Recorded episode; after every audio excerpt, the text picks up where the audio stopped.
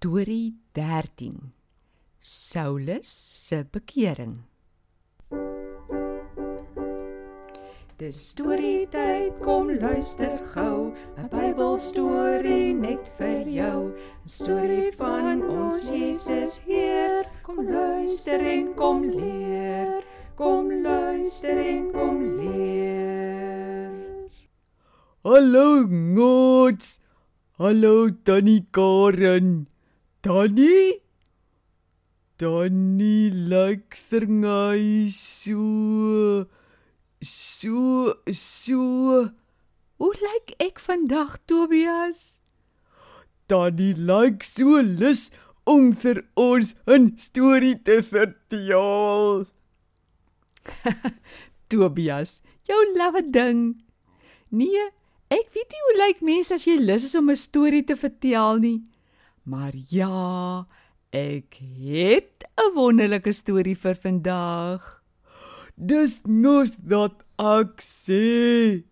Begin songer dadelik asseblief, Tannie. Nou goed. Julle onthou die storie van Stefanus se dood en dat party mense in Jerusalem toe begin het om baie lelik te wees met Jesus se gelowiges? Ek onthou ja. Tobias, Mats, die een mens wat omtrent die lelikste was met die gelowiges, was Saulus. Hy het gedink hy wil hierdie nuwe geloof sommer gou heeltemal tot nut maak.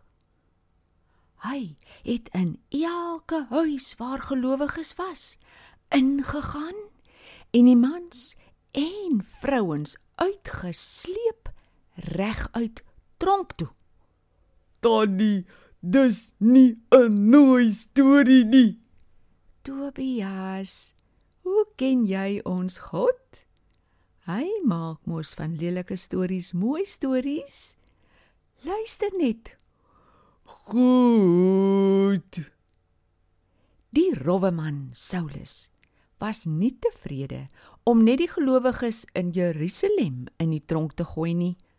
Hy het na die hoofpriester toe gegaan en gevra: Ag, skryf asseblief vir my 'n paar briewe. Die hoofpriester vra: Wat se briewe, Saulus? Geagte hoofpriester, ek soek briewe wat ek na die sinagoges van Damaskus kan vat.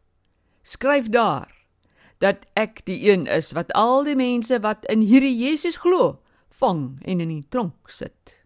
Die sinagoges moet my toelaat om al daai mense te vang. Ons moet hierdie geloof uitroei. Die hoofpriester wou maar al te graag die briewe skryf want hy wou ook hê die geloof in Jesus moet sommer vinnig heeltemal verdwyn. Dat ngok Saulus toe net die driede tannie. Hy vat die briewe, kry 'n klompie manne wat wil saamgaan en hulle sit af na Damaskus toe. O orde, nou raak ek dong. Net voor jy te bang raak. Hier kom die eintlike storie. Was nog so haastig op pad na Damaskus. Toe is daar ewe skielik 'n baie sterk lig. Die lig skyn uit die hemel reguit op Saulus. Die lig was so sterk dat Saulus op die grond neergeval het. Wat? Ja, Tobias, en uit die lig kom daar 'n stem. Saul, Saul, hoekom vervolg jy my? Saulus skrik hom lam en vra bewerig: Wie wie is u, Here? Die stem antwoord toe: Ek is Jesus. Dit is nie mense wat jy vervolg nie, maar vir my. Tannie, Jesus trot toe songer self net ook Saulus. Ja. Die mense wat saam met hom op pad was, se monde hang oop. Hulle sien Saulus val. Hulle sien die lig. Hulle hoor die stem, maar hulle sien niemand wat praat nie. Vir 'n paar minute staan almal so stil, soos standbeelde. Saulus wil toe opstaan, maar toe hy sy oë oopmaak, kan hy niks, niks sien nie. Hy is toe sommer blind. Die mense by hom vat toe sy hand en begin loop stadig na Damaskus. En toe Donnie Saulus was so geskok en verslae Hy het vir 3 dae niks geëet of gedrink nie. Hy kon nie glo dat hy so verkeerd was en gedink het hy moet Jesus se mense uitroei nie. En so waar hier kom praat Jesus sommer self met hom. Op die derde dag praat die Here met een van sy gelowiges, Ananias. Hy het daar in Damaskus gebly. Die Here roep hom. Ananias? Dadelik antwoord hy: Hier is ek, Here. Die Here sê toe: Gaan sommer nou dadelik na Judas se huis in Reguitstraat na Saulus toe. Hy is besig om te bid en ek het vir hom in 'n soort droom gesê: Jy sal kom en jou hande op hom lê dat hy weer kan sien. Die arme Ananias skrik hom asfaal. Hy sê toe: Maar Here, dis daai man. Dis daai einste Saulus wat so lelik is met Jerusalem se gelowiges in. Nou wil hy vir ons hier kom vang. Maar die Here antwoord hom: Nee, jy kan maar gaan. Want ek het hom gekies om vir baie mense van my te vertel. Oh, en gaan Ananias toe na reg uit straat toe?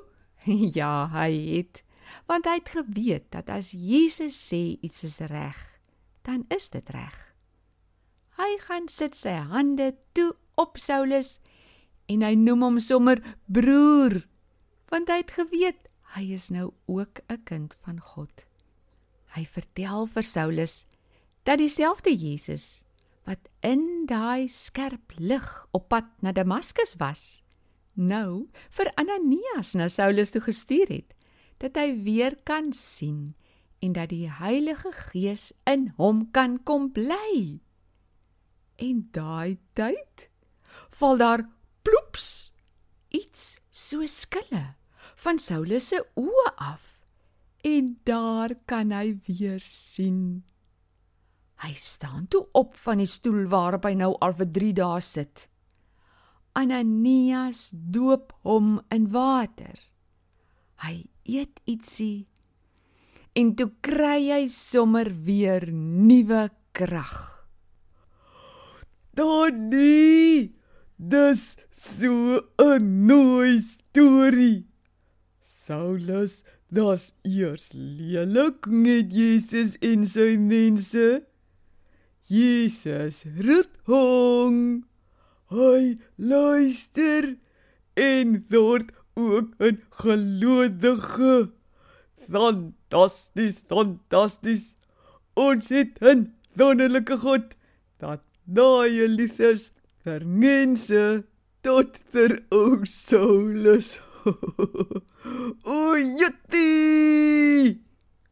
Nots kom ons groet en dan gaan vertel julle dadelik vir iemand hierdie mooi storie. Totsiens Danny. Tot die tyd is ter ons volgende storie. Sjoe, die Tobias is haastig. Daar trek hy al seker op pad na sy maatjie toe. Maats, sal ons doen wat Tobias voorstel? Kom ons gaan vertel die storie so gou as moontlik vir iemand. Almal moet hierdie wonderlike stories van Jesus hoor. Ons gesels weer. Totsiens, liewe maats.